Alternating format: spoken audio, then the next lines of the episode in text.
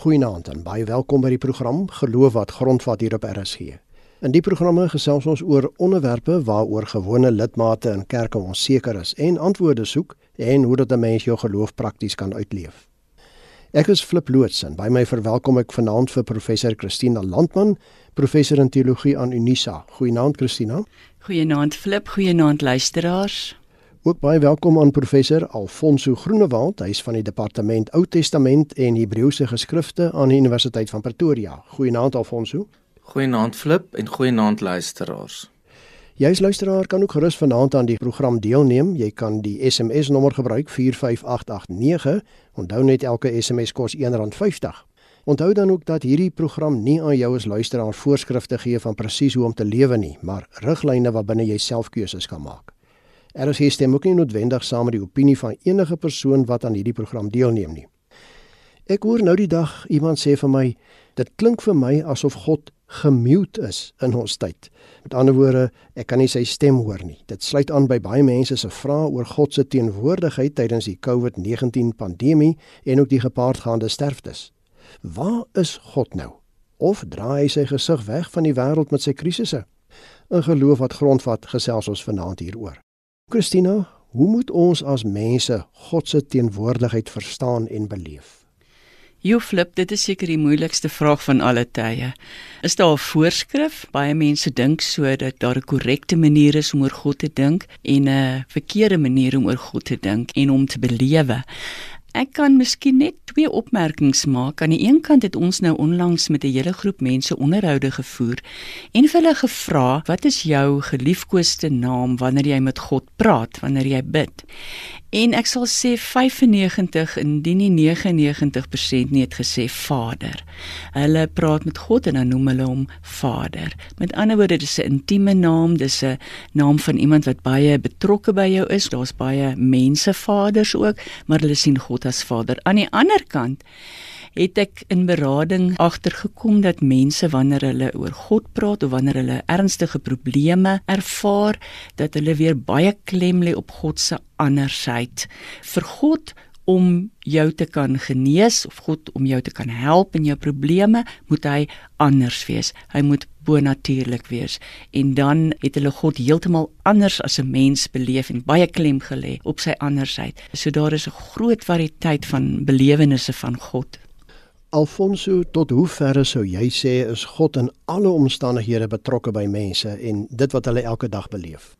As ons byvoorbeeld kyk na die primêre tekste in ons geloofstradisie, naamlik die Ou Testament of ons kan dit ook noem die Hebreëse Bybel en dan natuurlik die Nuwe Testament, dwars deur hierdie tekste kry ons dat daar gepraat word oor mense se ervaring van God se betrokkenheid in hulle lewe. Maar dan natuurlik en dit sluit aan by die tema wat ons nou vandag by gaan uitkom, die ervaring van die afwesigheid van God in mense se lewens. So beide Ou en Nuwe Testament praat eintlik hiervan. Ek kan byvoorbeeld 'n voorbeeld noem Jesaja 45 vers 7 waar daar gesê word God is die een wat die lig gevorm het en die duisternis skep. Die heil bewerk en die onheil skep. Ek die Here is die een wat al hierdie dinge doen. En so 'n teks spreek met ander woorde of getuig van die ervaring wat mense in 'n konkrete situasie gehad het dat God betrokke is in hulle lewe. Maar dan kry ons natuurlik ook weer die ander tekste. Byvoorbeeld ons kan praat van die geloofsbelijdenisse van Jeremia ongeveer in hoofstukke 11 tot 20 waar hierdie tekste eintlik uitroep, uitskreeu van 'n ervaring van verwydering, 'n ervaring van dat daar gevoel word God is afwesig in die persoon se lewe. En byvoorbeeld Jeremia 20 toon ook baie parallelle met Job 3 waar die bidder uitroep, was ek tog maar nie gebore gewees op hierdie dag nie, want die ekspreker roep uit van vertwyfeling, van desperaatheid. Daar word ook eintlik 'n aanklag teen God gerig. God, jy is die een wat gemaak het dat al hierdie dinge oor my pad gekom het. So met ander woorde om in kort te sê, ons kry die rykdom van die tradisie in ons tekste. Tekste wat getuig van mense se ervaring van God se teenwoordigheid in hulle lewe, maar dan ook die ander kant, dat daar ook tekste is wat ook praat van ervarings wat mense vandag nog het, naamlik dat jy met tye voel God is verborge, God se gesig is verberg, God is afwesig in my lewe op hierdie oomblik. Aansluitend by Alfonso Christina, waarom voel baie mense dan asof God nie by hulle is nie, asof hulle God nie kan vind in ons tyd nie? Wel ek dink die voor die hand liggende rede is omdat mense op die oomblik baie krisisagtige, krisismatige en traumatiese ervarings het ten opsigte van hulle bestaan, ten opsigte van hulle oorlewing, dat hulle in die oggend opstaan en nie kos het nie, dat hulle nie geld het nie, nie 'n toekoms het nie, dat daar 'n spanning is tussen mense as gevolg van hierdie geweldige slegte omstandighede wat hulle beleef. Die vraag is eintlik nou Hoe kan die pastoor, die dominee, hoe hanteer hy of sy dit wanneer iemand kom en sê maar God hoor my nie. Moenie nou meer vir my hier met 'n klomp quick fixes kom en sê ag wees net bietjie meer vroom of wat het jy nou verkeerd gedoen? God is daar iewers hy sal wel weer sy gesig wys nie. So Ek dink hoe die pastoor dit kan hanteer is gewoon deur hierdie persoon te help om met 'n alternatiewe verhaal te kom. Met ander woorde die verhaal wat gaan oor God se verborgenheid, die persoon uit te nooi, maar wanneer in jou lewe het jy al gevoel God was weg? Maar uiteindelik het God weer sy gesig gewys en hoe het hy dit gewys? Ek dink maar byvoorbeeld aan die ballingskap toe die Israeliete weggevoer was daar na Babylon toe en hulle gevoel het waar is God het hy nou agtergebly in Jerusalem? Hoekom doen hy nie iets aan hierdie verskrikking dat die tempel is verwoes en Jerusalem is gelyk gemaak nie? En wat hulle toe gedoen het was gewoon om uit hulle geskiedenis hulle alternatiewe verhale te ontdek en te sê maar weet jy God is nie 'n God van chaos nie. Kyk op eerste dag het hy dit geskep en die tweede dag het hy dit geskep en die derde dag dit. En ons onthou ons geskiedenis van Dawid en van Salomo en ons skryf daai geskiedenis op want dit is ons verhaal, ons ander verhaal van saam met God stap. Alfonso, daar's tog baie mense wat beweer dat as gevolg van mense se sonde en ongehoorsaamheid aan hom, God sy gesig vir ons verberg. Hulle verwys onder andere na Jesaja 59 vers 2 Dis julle oortredinge wat skeiding gebring het tussen julle en julle God en dis julle sondes wat gemaak het dat hy hom nie aan julle stuur nie en nie na julle wil luister nie. Wat is jou mening hieroor? Ek wil graag ook aansluit by wat Christina gesê het. Sy het reeds nou verwys na die Babiloniese ballingskap. En ek dink dit is in elk geval belangrik dat indien mens na hierdie teks kyk, dat ons besef dat hierdie hoofstuk kom uit 'n groter gedeelte in die boek Jesaja, naamlik hoofstuk 40 tot 55 In die Ou Testamentiese wetenskap word daarna verwys as die tweede deel van Jesaja, die tweede boek van Jesaja of Deuterojesaja. En dit is belangrik om te onthou dat hierdie teks of hierdie korpus van tekste is geskryf nadat Juda, nadat 'n groep mense weggevoer is in ballingskap. Daar was natuurlik nie net een geleentheid waar die groot magtige Babiloniese ryk 'n aantal mense weggevoer nie alreeds in 597 toets byvoorbeeld die profeet Esegiel reeds weggevoer. Toe in 592 en uiteindelik in 587 was die groot gebeurtenis gewees waar die tempel vernietig is die koningshuis is vernietig die koning is weggevoer in ballingskap waar sy seuns is voor hom hulle oë uitgesteek en natuurlik as ons dink byvoorbeeld aan die boek klaagliedere klaagliedere is hierdie ontsettend roerende klein boekie kan ons dit noem. Net 5 hoofstukke, maar hierdie 5 hoofstukke roep uit en skreeu uit van wat mense beleef het, wat hulle ervaar het, wat hulle gesien het, wat voor hulle oë afgespeel het, hoe vrouens verkrag is, hoe mense doodgemaak is en die verlies natuurlik van jou koningskap. So jy verloor jou politieke onafhanklikheid. Daar is nie meer 'n tempel nie wat gesien is as die huis van God. So waarheen gaan jy om te aanbid? En dan kom hierdie geweldige ervaring van God se vraag na die teenwoordigheid van God, die vraag na die afwesigheid van God. 'n Lang inleiding nou om te sê dat hierdie teks is deel van hierdie tekste wat nadink en reflekteer en wat 'n hoop uitspreek en probeer teologiseer, probeer teologies nadink oor hierdie groot teologiese vraagstukke. 'n Nuwe beweging in die eksegese in die Bybelwetenskappe is dat insigte uit die sielkunde, uit die trauma studie spesifiek gebruik word om Bybelse tekste te probeer verstaan. En traumanavorsing is natuurlik by uitstek belangrik om vir ons 'n lig te werp op hierdie tekste wat praat oor mense se trauma ervaring, hulle ervaring van uitgelewerdheid, hulle ervaring van dat hulle van God verlate voel. En 'n insig van die traumanavorsing is natuurlik ook dat dit help mense wat trauma beleef het indien hulle 'n antwoord kan kry, 'n antwoord kan probeer gee vir dit wat in hulle lewe met hulle plaasvind. Ek sou ook hierdie teks wat praat van dat mense voel dat dit hulle sondes is, dat dit skeiding gebring het tussen hulle en God. God is altyd daar. God is altyd teenwoordig gewees in hierdie mense se lewe, maar dit het hulle miskien gehelp en dis 'n insig uit die trauma studies Dit help hulle as mense kan 'n verklaring probeer gee vir trauma. Dit help mense met die trauma verwerking. Dit is RSG met die program Geloof wat grondvat en ons gesels vanaand oor verberg God se gesig in 2020. My gaste is professor Christina Landman en professor Alfonso Groenewald. Christina, prakties. Jy is 'n gemeenteleraar. Hoe beleef jou gemeentelede God se aanwesigheid of afwesigheid in hulle lewens? Flip aan die een kant dink ek mense praat nie altyd daaroor dat hulle voel God het hulle verlaat nie. Gewoon omdat hulle dink die dominee gaan sê wat se sonde het jy dan gedoen dat God nou sy rug op jou gedraai het of jy op een of ander guilt trip gaan vat. Daarom wil mense nie eintlik vir die dominee sê ek voel God het my verlaat nie. Of die dominee gaan iets quick fix sê soos ag, miskien wil die Here jou net sterker maak. Weet sulke maklike oplossings gee terwyl daar geweldige groot dinge soos honger wees, werkloos wees en so aan maak dat jy God nie belewe nie. So ek dink dis die een rede waarom mense nie altyd vir die dominee sê of vir die pastoor sê dat hulle voel God is afwesig nie. En daarom probeer ek dit in die gemeente of in enige gemeente te ondervang deur 'n konstante preek oor die aanwesigheid van God. Gedurende hierdie grendeltyd was daar begrafnisse wat dan nou besonder swaar was omdat mense nie self hulle geliefdes na die dood toe kon begelei nie. Daar was daar 'n spesiale gevoel van God se afwesigheid. En dan was dit belangrik om by begrafnisse en in dienste spesiale moeite te doen om God in te nooi. Jy weet sê God, jy is altyd by ons, maar wees nou spesiaal by ons vir hierdie geleentheid. En dan laat die Christelike boodskap jou toe en dit is so wonderlik om te sê dat God laat jou nooit alleen nie. Hy laat jou nie hier op aarde alleen nie, hy laat jou nie in die graf alleen nie en hy laat jou ook vir ewig lewe saam met hom.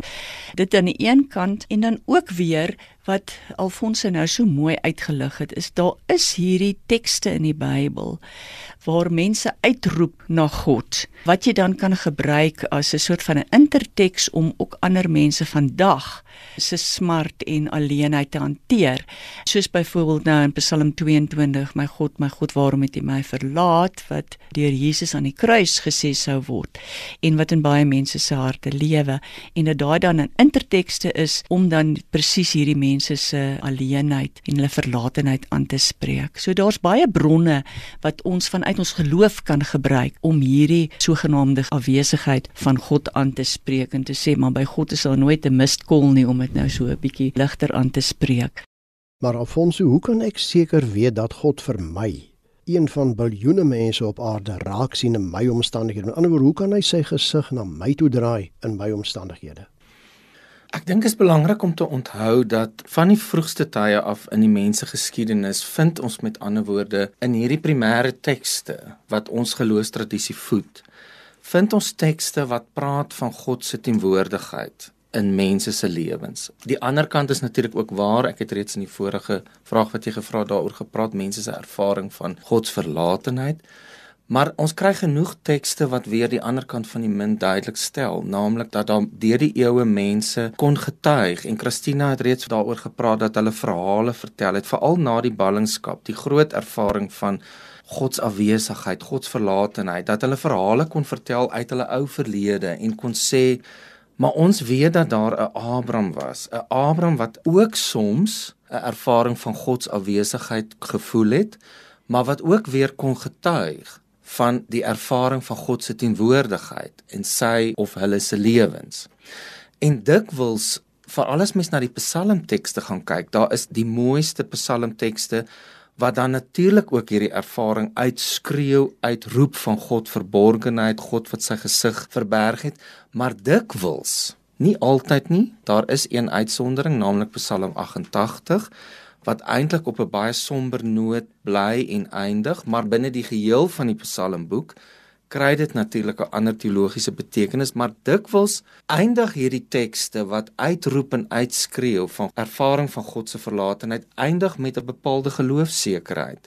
En ek dink nie ons moet ook naïef oor hierdie tekste nadink en hierdie tekste lees dit het miskien nie noodwendig altyd onmiddellik verander dat die persoon se ervaring het nie van vandag voel ek God se verlate en môre voel ek God se teenwoordigheid nie maar hierdie tekste spreek 'n bepaalde geloof uit dat ek glo daar sal ek vertrou daar sal weer 'n dag kom dat ek voel God is ook weer naby aan my. En Miskien het dit nog in die persoon se lewenstyd ook gebeur.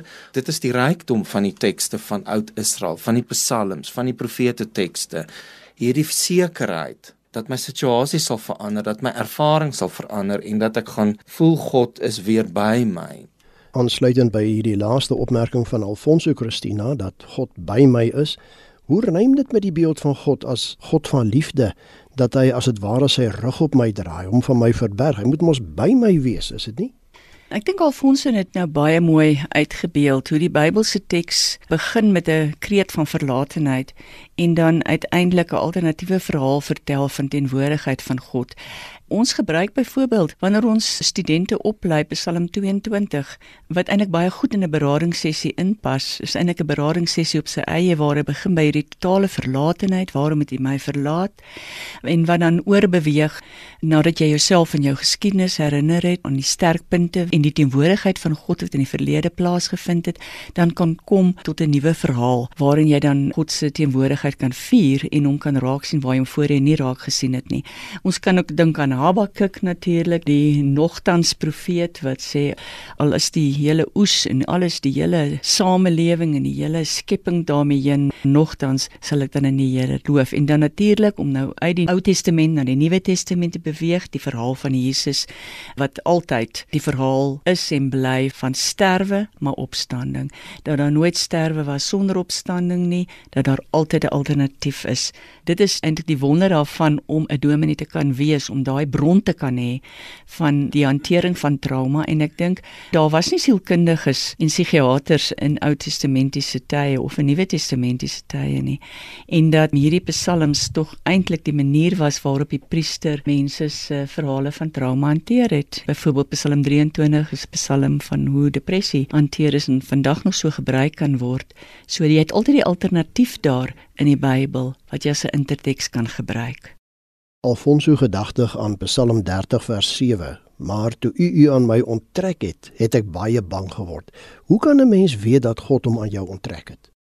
Ek wil ook weer aansluit by Christina en dit wat sy nou net reeds gesê het, toe sy verwys het ook na Psalm 22 wat so duidelik hierdie uitroep verwoord, my God, my God, waarom het U my verlaat? Daar is geen dieper uitroep, geen meer eksistensiële hulpkreet wat 'n mens tot God kan rig naamlik die ervaring dat jy totaal van God verlate voel. En ons lees natuurlik ook iets daarvan in hierdie Psalm wat jy nou net aangehaal het, Flip Psalm 30 dat die gevoel wat mense verwoord dat in tye van krisis, in tye van nood, dat hulle God nie kan sien nie, dat God sy gesig vir hulle weggedraai het. Dit is natuurlik ook op 'n literêre vlak so mooi beeld. Mens kan dit vir jouself sien hoe draai God sy gesig weg. Hoe God nie hoor nie. Maar dit is op die ou einde 'n menslike ervaring wat hier verwoord word en ek kom terug na dit wat ek ook in 'n vroeër vraag reeds gesê het. Daar dink ek help die trauma navorsing ons. Dit is baie belangrik dat 'n mens as jy trauma beleef het, dat jy moet jou trauma verwoord. Dis uiteindelik deel van die trauma verwerking. En ek dink natuurlik hierdie tekste gee vir ons in sekere situasies van ons lewens die woorde want dit kan ook wees dat ek soms so om dit te noem in die sin van die gesprek van ons God se verlate voel dat ek nie woorde kan uitkry nie dat ek nie die woorde die taal het. Want dit is ook wat die trauma navorsing sê dat mense wanneer hulle trauma beleef sukkel om te praat. Hulle kan nie dit verwoord nie. En dan is dit die ongelooflike rykdom van hierdie tekste dat hierdie teks vir iemand wat daardie ervaring het kan help om die woorde te gee Met ander woorde, hierdie teks sou ek heeltemal interpreteer as dat dit gaan meer oor die bidder se eie ervaring, maar dit beteken nie God het hom onttrek aan die bidder nie, maar die bidder kry die woorde om hierdie eksistensiële ervaring uit te roep, uit te skreeu by wyse van spreuke. Christina, hoe bereikbaar is God in alle omstandighede? Met ander woorde, is party dinge waarmee ek hom kontak nie te onbelangrik vir hom nie. Met ander woorde, irriteer ek nie dalk vir God met al hierdie dinge nie en wat kan ek doen as dit vir my voel of God sy gesig vir my verberg? Alfonso het nou vir ons baie duidelik aangetoon in die Bybel dat dit is hoe God hom openbaar as die een wat altyd teenwoordig is en dit kan ons dan as 'n gegewe vat as gelowiges. God is altyd teenwoordig. Daar's nie 'n kwessie van hom irriteer of hom verkeerde tyd raadpleeg of hom 'n call gee soos ons gesê het nie. Wat dan die pastor se plig is, is nie net om mense te help om woorde te kry vir die herontdekking van God nie, maar ook om God raak te sien. En dit is dan 'n begeleiding wat die pastoor kan doen om deur nie net deur Bybelse tekste nie, maar deur alledaagse ervarings weer mense te help om God raak te sien en te belewe.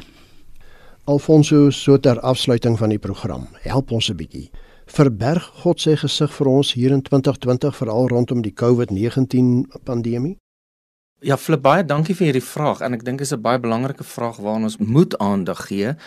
En as ek dink aan dit wat ons alles ook al in hierdie gesprek oor gepraat het en waaroor Christina gepraat het en oor tekste waarna ek verwys het, dink ek is dit by uitstek waarskynlik die ervaring wat iemand het wat baie siek is met COVID en ek kan uit my eie konteks uit sê my vader was opgeneem in die hospitaal vir 12 dae.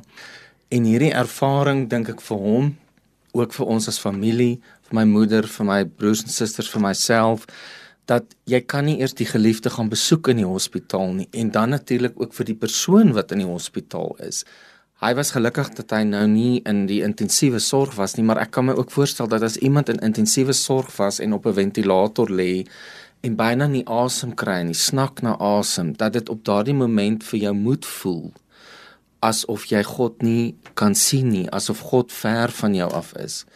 Maar ek dink ons moet vashou aan dit wat Christina dit ook reeds in die vorige gedeelte gesê. Die tekste getuig van God se teenwoordigheid. Die tekste of dit in die Ou Testament is of in die Nuwe Testament is, vertel hierdie geloofstradisie van mense se geloof dat hulle vashou aan die ervaring van God se teenwoordigheid in hulle lewe. En ek dink ook sal ons uiteraard as jy daar lê en jy weet nie gaan ek môre nog die son sien opkom gaan jy waarskynlik ook 'n lewensangs kry. Maar ek dink ook te midde van hierdie angs is dit belangrik dat ons moet vashou aan hierdie gegewe dat hierdie tekste van ons vir ons voortdurend wil vertel van God se betrokkenheid in ons lewe hoe God betrokke was in die lewe van oud Israel van Juda en dan ook die Nuwe Testament en uiteindelik ook die vroeë kerk en dat daar hierdie rykdom, hierdie geloofskare is wat dit uitroep dat soms te midde van siekte, van swaar kry, van vervolging, dat God se teenwoordigheid, dat ek daarop kan vertrou en kan staatmaak. En ek dink dit is ook maar waarin ons in die tyd van die COVID moet vashou dat God betrokke is in ons lewens en dat God ook daar is vir ons dit dan al 'n finansiële geloof wat grondvat. Baie dankie dat jy as luisteraar saamgekuier het. Baie dankie ook aan my twee gaste, professor Christina Landman en professor Alfonso Groenewald. Christina, Alfonso, indien van ons luisteraars verder met julle wil kommunikeer, hoe kan hulle dit doen, Christina? 'n SMS op my selfoon 0823772574. En Alfonso?